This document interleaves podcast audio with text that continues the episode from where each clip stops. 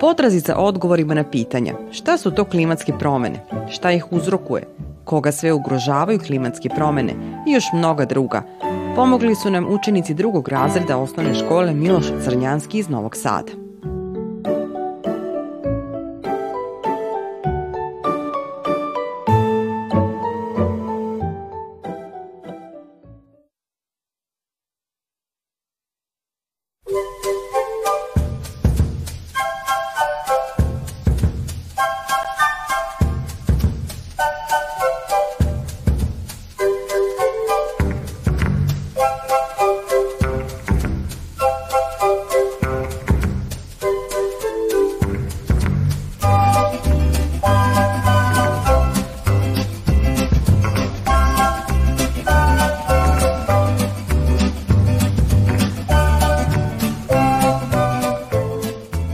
Zdravo drugari, moje ime je Ivana. Ja dolazim iz e, javnog preduzeća Vojvodina šume. Inače sam šumarski inženjer i bavim se zaštitom prirode i moje radno mesto je na Obetskoj bari, to je jedan specijalni rezervat koji se nalazi u jugoistočnom Sremu. Ja bih volela da vas pozdravim danas i da sa vama podelim neka iskustva i znanja i da sa vama porazgovaram ne, o nekim važnim pitanjima za sve nas, a najviše za našu prirodu i za naše okruženje ili našu životnu sredinu.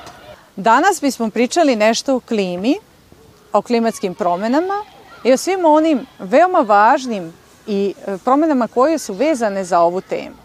Pa bih ja volela da vi meni postavite sva ona pitanja na ovu temu koja vas zanimaju i da probamo da na neka od njih damo odgovor, a ono što ne budemo znali potražit ćemo odgovor od nekih stručnjaka koji se time danas bave.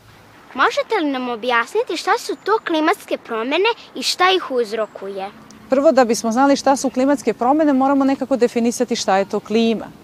Klima su vremenske prilike u određenoj vremenskoj zoni na planeti. Naša zemlja planeta je sastavljena iz nekoliko klimatskih zona koje se razlikuju i smenjuju u odnosu na ekvator. To je onaj središnji prsten, ako znate kako izgleda globus, mada vi ste još uvek mali, Od tog ekvatora pa krećući se ka polovima smenjuju se klimatske zone. Mi se nalazimo u nekoj umerenoj klimatskoj zoni koja je u našem klimatskom pojasu. Ako govorimo i ta neka naša klima jeste od četiri godišnja doba, mi imamo proleće, leto, jesen i zimu sa nekim umerenim temperaturama, umerenim uh, intervalima niskih i visokih temperatura. Naša klima je, da kažemo, jedna od idealnih klima na planeti, gde mi možemo imati sva četiri godišnja doba i imati različite vremenske uslove.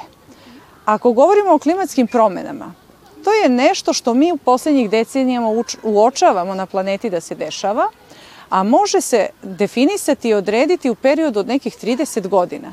Mi ne možemo da kažemo ako je pala jedna kiša ili je jedan dan bilo pretoplo da je to klimatska promena. Ali ako su te promene izražene, kao što ste videli da je u toku leta bilo dosta jako toplo i da sad padaju dugo, duge i obilne kiše, da su to neke pojave koje su za nas neobičajene. E kad se takve pojave često ponavljaju i to se prati u nekom periodu od 20 do 30 godina, onda kažemo da se nešto promenilo i to zovemo klimatskim promenama. Šta su uzroci klimatskih promena? Najveći uzroci danas klimatskih promena jesu velike količine ugljen dioksida koje su oslobođene u atmosferu. Ugljen dioksid je gas koji se proizvodi usled uh, fabričkih procesa proizvodnje, automobilskih uh, gasova, izduvnih, svega ono što čovek industrijski proizvodi, ali to je i prirodni proces u disanju drveća i disanju ljudi. Šta ih uzrokuje? Dakle, u određenom vremenskom periodu čovjek je oslobodio velike količine tog gasa u atmosferu, došlo je do pregrevanja tog našeg zaštitnog jednog omotača koji se zove ozonski omotač, koji to ranije uh, ublažavao energiju koja dolazi od sunca i usled toga sada mi na planeti imamo povećane temperature, veoma topla leta, bez kiša u dugom vremenskom intervalu, a kada dođu kiše one dugo padaju, izazivaju poplave, grmljavine, nevremena i ostalo. Dakle, sve ono što je čovek e, poremetio usled industrializacije, usled velike količine izduvnih gasova na planeti prouzrokuje klimatske promene.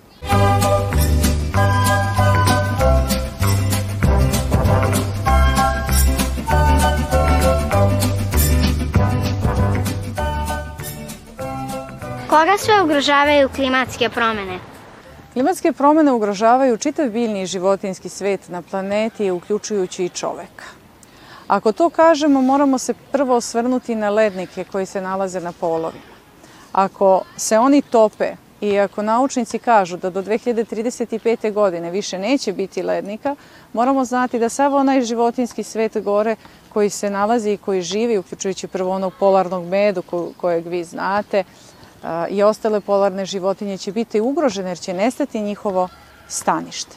Ako bismo to gledali u svom bliskom okruženju, klimatske promene kod nas ugrožavaju i naše šume, odnosno drveće u našim šumama, ali i sav onaj životinski svet koji tu živi. A mi znamo da u šumama živi jako veliki broj a, životinja i naravno drugih biljnih vrsta, tako da smo svi zajedno podjednako ugroženi. Neko sada trenutno više, ako su to vodena staništa, pa vidimo da nam u toku leta e, opada nivo reka, suše nam se bare, sve one ribe, vodozemci, gmizavci, sve to što živi vezano za vodeno stanište je direktno ugroženo.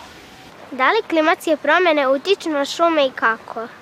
Da, klimatske promene veoma utiču na šume, ali šumski ekosistem je jedan veoma složen, jak i snažan ekosistem kome treba dugo godina da bi se te promene mogle videti i uočiti.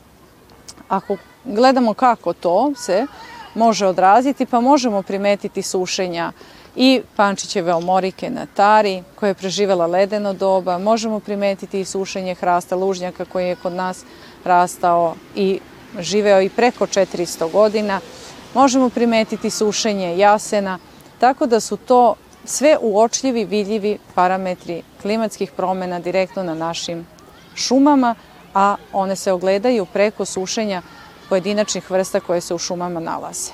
Da li onda klimatske promene utiču i na bike i životinje u šumi? Možete nam navesti neke primere? Da, e, kao što sam rekla, ugroženi su i biljni ekosistemi i vodeni ekosistemi podjednako, znači ako govorimo o šumama i barama koji ih često okružuju, i ugroženi su sve one životinje koje tu žive. Ako, opet kažem, bismo gledali samo kao šume, dolazi do smene određenih vrsta. Dakle, kako se menjaju ekološki uslovi, odnosno uslovi e, temperature, e, vlage zemljišta, nivoa podzemnih voda, tako nam se i menjaju vrste. Neke, se, neke nestaju, neke druge se pojavljuju i dolazi do neke njihove smene. Ako govorimo o životinjama, pa evo, primjera dabra, ako nema vode u rekama i u barama, nećemo imati ni te vrste.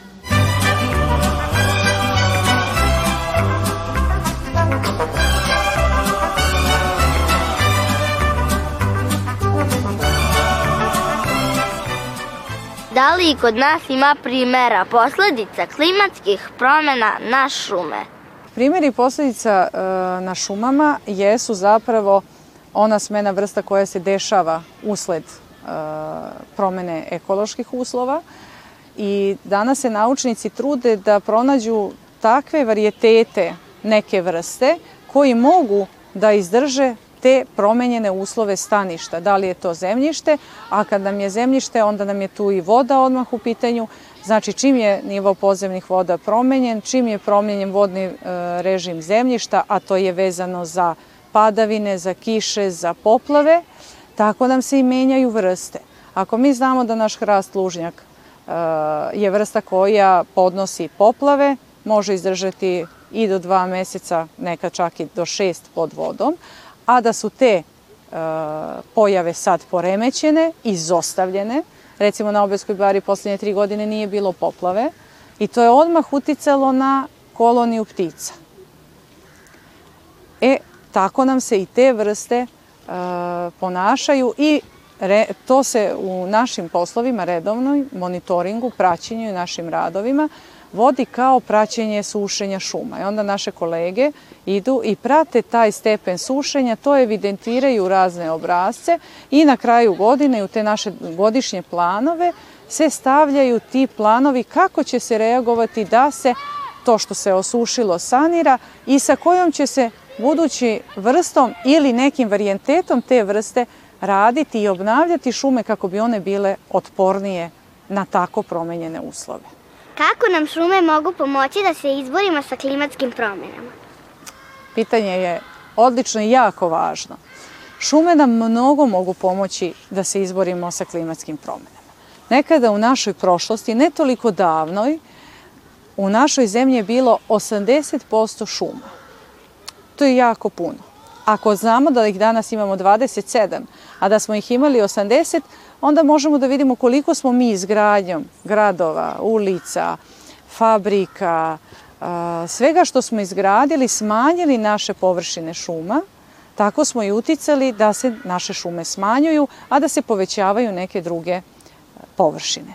Zašto se u gradovima podižu parkovi, zašto se sadi drveće? Zato što takvo okruženje utiče na povoljne klimatske uslove u sredini u kojoj živimo. Dakle, drveće i šuma nam smanjuje visoke temperature, kad je leto, nekada ljudi nisu imali klime u stanovima, bilo je sasvim dovoljno to što žive okruženi drvećem. Zatim, drveće nam daje kiseonik i drveće na zimi greje. Vi kad zimi uđete u šumu, u šumi je toplije nego na otvorenoj površini. I to za 5 do 8 stepeni, što uopšte nije malo kad je čovek izložen visok, odnosno niskim temperaturama ili leti sada kada imamo preko 40 stepeni da se sklonite u šumu, bit će vam prijatnije. A šta to na globalnom e, e, nivou znači, kako šume mogu pomoći planeti, tako što proizvodnjom kiseonika daju čist vazduh da bi čovek i životinje mogli da žive, ali šume u svom procesu fotosinteze koriste ugljen dioksid koga u atmosferi ima previše, one ga koriste, absorbuju i daju nam čist vazduh. E tako nam mogu pomoći.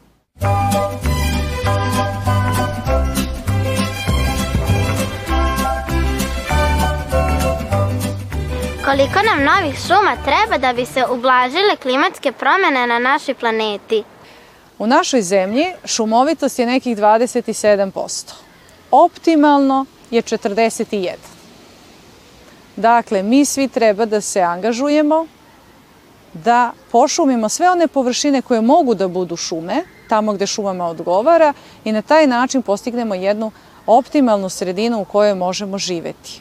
Ako pogledamo naše susede, koliko oni imaju recimo šumovitosti ili zaštićenih područja, pa tu je negde najviše e, Nemačka, Austrija, Švajcarska, svi su oni negde oko 60 i nešto, a mi, nama treba nekih 40 i nešto. Šta mi, deca, kao i naša škola, možemo uraditi da ublažimo posledice klimatskih promena? E, hvala ti na tom pitanju.